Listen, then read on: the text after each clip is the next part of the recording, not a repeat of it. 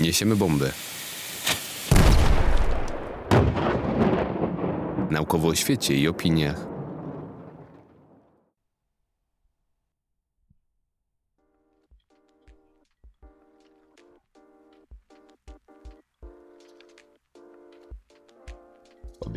Opinii dotyczących diety, jedzenia i sposobów odżywiania jest bez liku. W tym odcinku zarówno obalę parę z nich, jak i postaram się pokazać, jak kultura i społeczeństwo, w jakim żyjemy, warunkują to, co i jak jemy. Wiadomo, mitów dotyczących jedzenia jest dziś mnóstwo. Nie będę się nad większością rozwodził, bo ani nie jestem dietetykiem, ani nie mam na to czasu. Dieta keto, intermittent fasting albo dieta Dukana unikanie glutenu, walka z pieczywem, cukrem, węglowodanami i zakwaszanie organizmu. Strach przed laboratoryjnie brzmiącymi nazwami, dodatkami do żywności i Bóg wie czym jeszcze. Z drugiej strony medykalizacja i rosnąca troska o nasze zdrowie sprawia, że suplementy diety i dziwne sposoby odżywiania stają się coraz bardziej popularne. Nim przejdziemy do paru konkretnych zjawisk, to, to uporządkujmy sobie trochę ten informacyjny chaos garścią takich podstawowych faktów, co do których nie ma żadnej wątpliwości. Po pierwsze, większość diet zakłada, że poprzez redukcję jakiegoś składnika żywieniowego szybko schudniemy i będziemy trwale szczęśliwi. I tak na przykład dieta keto eliminuje węglowodany, dieta Dukana tłuszcze. Inni eliminują gluten, zakładając, że od niego się puchnie, inni jeszcze cukier i tak dalej. Niestety, albo na szczęście, niezaprzeczalnym faktem jest, że chudnie się od ujemnego bilansu kalorycznego. To znaczy od dostarczenia mniejszej ilości kalorii niż ta, którą jest się w stanie spalić w ciągu doby. I tyle. Żadnego przyspieszania materii, metabolizmu, spalania i innych cudów. Inną kwestią jest to, że diety z reguły mają na celu zrzucenie kilogramów za wszelką cenę. Niestety, eliminując cokolwiek ciężko dłużej wytrwać w takich postanowieniach i prędzej czy później plan strzela w łeb, a ty znowu obiadasz się czym popadnie na kanapie. Zatem najważniejsze jest po prostu odpowiednie odżywianie się. I tu większość dietetyków i dietetyczek poleca po prostu aktualną piramidę żywności, która uwzględnia już podaż aktywności fizycznej, płynów oraz warzyw. No, ale okazuje się, że z pewnych powodów utrzymanie takiej, powiedzmy, prawidłowej diety jest dość ciężkie. Tu rodzi się pytanie, dlaczego? Pierwszym, o czym już wspomnieliśmy, jest popularność wszelkich diet, które obiecują nam szybkie efekty, a wiemy już, że to kończy się praktycznie zawsze fiaskiem. Po drugie, zwyczajnie nie jesteśmy świadomi ilości kalorii, którą pochłaniamy i z reguły zaniżamy ilość kalorii, które zjedliśmy. I to jest akurat świetnie przebadane. Innymi słowy, oszukujemy się, nie bierzemy pod uwagę sosów, czekoladek i przekąsek. Po trzecie, istnieje parę zjawisk, które nam w tym skutecznie przeszkadzają. Z reguły są to zaburzenia odżywiania, które według ICD i DSM-u, to takie medyczno-psychiatryczne Biblie, są zaburzeniami psychicznymi. To trochę mocne słowa, ale spora część z nas de facto ma kłopoty z odżywianiem, a świat, w którym żyjemy, nie sprzyja w ich niwelowaniu. Poza tym istnieją takie zjawiska jak comfort food czy jedzenie emocjonalne, które za moment przybliżę. Oczywiście temat jest obszerny, ale nie sposób omówić wszystkiego w tak krótkim czasie. Istotne są także, nie wiem, gęstość energetyczna pożywienia, wysoka dostępność, e, no czyli ten fakt, że leży ono na stole, czy chociażby liczenie kalorii, które wpływa na jakość posiłków i nasze własne odczucia. To już są szczegóły, ale jednak e, są one równie istotne na nasz sposób odżywiania ma wpływ wiele czynników. Rodzina, tradycja, rynek, dostępność, nawyki i wiele, wiele innych. I pewnie intuicyjnie wiecie, że wasz stan psychiczny także nie pozostaje obojętny w tej materii. Mówi się choćby o zajadaniu stresu. Popularne jest również przekonanie, że kobiety w trakcie okresu mogą zjeść więcej. Mm, no i jest to około 100 do 200 kalorii. No a poza tym przecież wszyscy nagradzamy się jedzeniem. Nie ma co się oszukiwać. Każdy wieczorem mówi, że miał ciężki dzień i dlatego może sobie pozwolić na drobną przyjemność, odrobinę słodkości i takie tam. To właśnie nazywa się jedzeniem emocjonalnym, czyli jedzeniem pod wpływem przeżywanych przez nas uczuć. Ale to również odczuwanie konkretnych emocji po zjedzeniu, czyli także wyrzutów sumienia po zjedzeniu słodyczy albo tłustych potraw. Z ciekawostek istnieje coś takiego jak kwestionariusz postaw wobec y, czekolady. Możecie sobie sprawdzić i wygooglać. Co ważne, nie jest tak, że tylko negatywne stany wpędzają nas w przejadanie się. Gdy czujemy się szczęśliwi, też znacznie częściej sięgamy po słodycze i wysokokaloryczne pożywienie. Istotne jest tu także nagradzanie dzieci i dawanie słodyczy na pocieszenie. Zostaliśmy tak wychowani, więc ciężko od tego uciec. Niektórzy nazywają ten mechanizm uzależnieniem się od cukru, ale to wydaje się grubą przesadą. To raczej rekompensata. Jedzenie po prostu szybko poprawia nam nastrój. Niektórzy jedzą z nudy i właśnie w sumie o to tu chodzi. Czujemy się źle, więc wybieramy działania, które szybko coś zmienią w naszym życiu. No i z jednej strony nie ma co przesadzać, bo raczej szybko nie zrezygnujemy z podkreślania jedzeniem wagi wydarzenia. Co za tym idzie tortów na urodziny, a poza tym czekolada nikogo jeszcze nie wpędziła w depresję.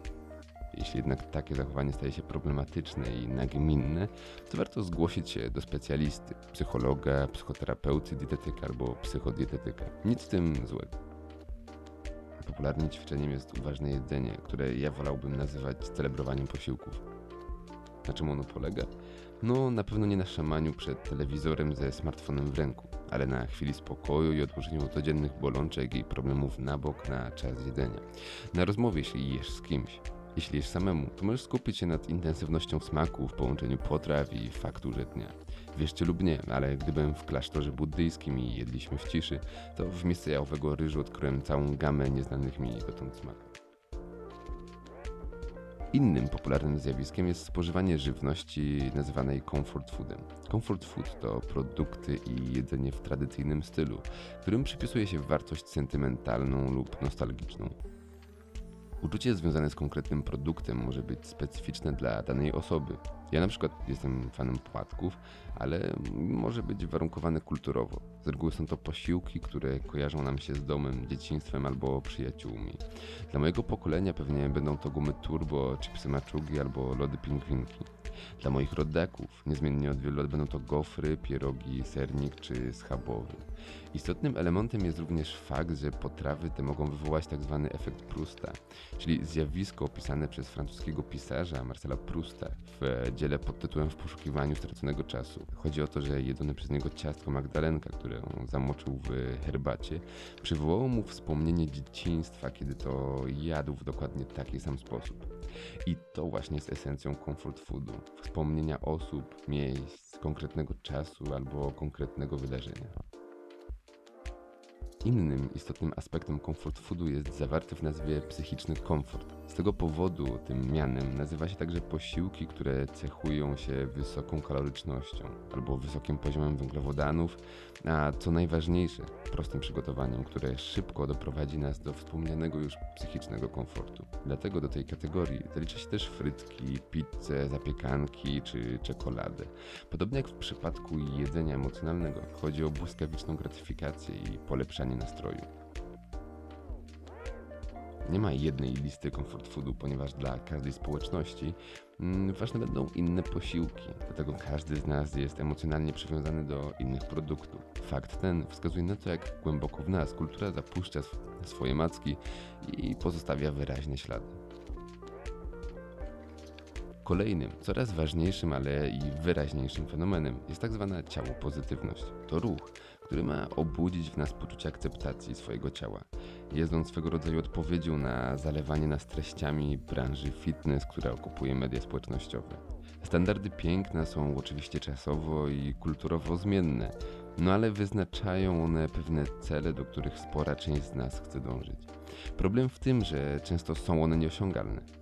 Ponieważ konkretne proporcje ciała oraz e, niska ilość tłuszczu są aktualnie uznawane za pożądane, sylwetki takie otaczają nas z każdej możliwej strony i są promowane. To rozbudza kompleksy i wpędza w psychiczne problemy. Ciało pozytywność ma na celu pogodzenie się z niedoskonałościami i akceptację naszego ciała. Wszak nikt nie jest przecież idealny.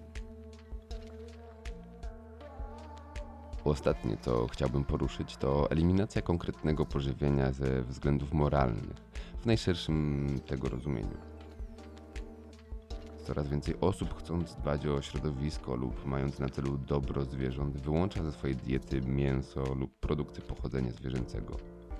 Globalna produkcja mięsa jest jednym z czynników najbardziej obciążających ekosystem naszej planety. Jest to faktem takim samym jak zmiana klimatu. Jeszcze inni rezygnują ze spożycia soi, ponieważ to właśnie ona przeznaczana jest na karmę dla zwierząt i to właśnie pod jej uprawy wycina się amazońskie lasy. Coraz częściej eliminuje się z diety olej palmowy, którego produkcja pochłania z kolei choćby lasy Borneo, które są wypalane. Głośno robi się także awokado, nazywane zielonym złotem, które nie dość, że pochłania niewyobrażalne ilości wody, to jest powodem wielu nierówności w Ameryce Południowej. Jego produkcja doprowadziła w Meksyku chociażby do prywatyzacji dostępu do wody i wykupu przez mafię rzek. Wcale nie żartuję, jak i utrwaliła przestępcze praktyki w imię zysków z jego produkcji. W Meksyku owoc ten nazywa się aguacate del diablo, czyli owocem diabła. Zatem i to, co dzieje się po drugiej stronie globu, a czego nie widzimy wkładając awokado koszyka w sklepie, może wpływać na to, co i jak jemy. W ramach takiego małego podsumowania, standardowo już cytat, który pochodzi z książki kucharskiej Zofii Czerny. Każda gospodyni rozumie, że zagadnienie żywienia jest jednym z podstawowych zagadnień kultury i bardzo uważnie śledzi podaż i jakość artykułów spożywczych oraz ich ceny, które niejednokrotnie decydują o wyborze i przyrządzeniu tej, a nie innej potrawy. Odżywianie się nie jest sprawą tylko czysto osobistą. Człowiek odżywiony właściwie, zgodnie z zasadami naukowej i przyrodniczej dietetyki, znajduje się w pełni sił fizycznych i umysłowych. Jego praca jest wydajna, a jego życie trwa dłużej, gdyż przy prawidłowym odżywianiu komórek starzenie się organizmu następuje później. A jeśli tak się dzieje, nie z pojedynczymi ludźmi, lecz z tysiącami i milionami, to kwestia, co jeść i jak to jedzenie przygotować, staje się już kwestią społeczną. I dlatego słusznie mówimy i piszemy, że właściwe odżywianie się społeczeństwa ma olbrzymie znaczenie dla produkcji materialnej i kulturalnej narodu, dla jego gospodarki, dla zaspokojenia stale rosnących potrzeb całego społeczeństwa.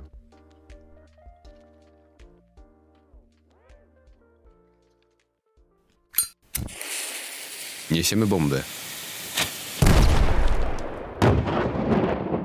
Naukowo o świecie i opiniach.